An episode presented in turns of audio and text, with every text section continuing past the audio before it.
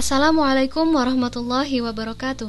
Alhamdulillahirrabbilalamin Allahumma salli ala sayyidina Muhammad wa ala ali sayyidina Muhammad. Rabbi syrahli sadri wa yasirli amri wa halul uqdatam milisani yafqahu qawli. Kultum kali ini kayaknya masih hangat kan kalau ngebahas yang berkaitan dengan momentum 12 Rabiul awal kemarin Nah, gak jauh-jauh dari itu, tema kultum kali ini adalah tentang pahlawan umat sesungguhnya atau the real hero for ummah. Kalau ngomongin pahlawan, kira-kira apa ya yang sebenarnya kita pikirkan? Karena kalau secara definisi, pahlawan adalah orang yang menonjol atau orang yang unggul karena keberaniannya dan pengorbanannya dalam membela kebenaran, atau pejuang yang gagah dan berani.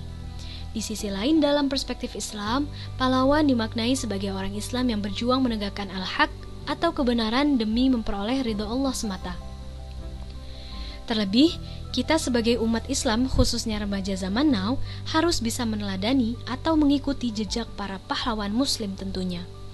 Namun, bisa kita lihat dari definisinya saja, sangat disayangkan kalau sekarang ini banyak remaja yang melenceng dalam memaknai pahlawan dan teladan, atau seakan semua kehilangan arah untuk mencari makna pahlawan dan teladan. Karena seolah-olah pahlawan kini hanya sebatas sosok yang dikagumi dan yang dipuji.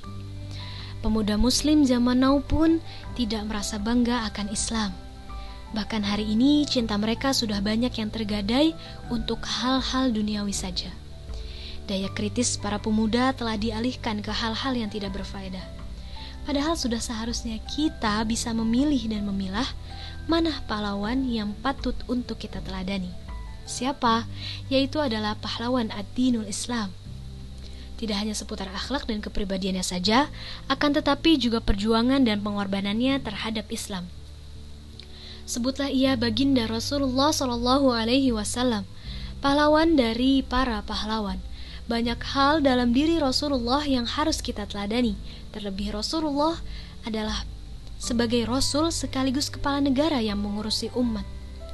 Oleh karena itu, salah satu langkah awal dan menjadi langkah utama yang bisa dilakukan dalam mengikuti jejak pahlawan muslim yang sesungguhnya adalah dengan mencari sahabat solih yang selalu bisa mengajak kita melakukan kebaikan sehingga kita sama-sama jauh dari hal-hal yang buruk.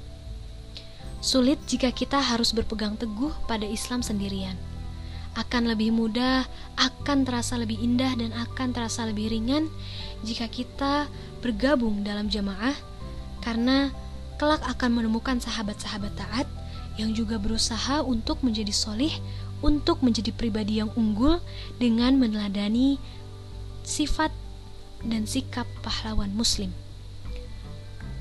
Nah, yuk temukan sahabat dalam taat kita agar tetap saling meneguhkan dalam kebenaran dan dalam kesabaran. Dan jangan lupa untuk selalu menjaga identitas kita sebagai seorang muslim di mana pun dan kapan pun kita berada. Demikian yang bisa dapat disampaikan. Kurang lebihnya mohon maaf. Wabillahi taufiq wa hidayah.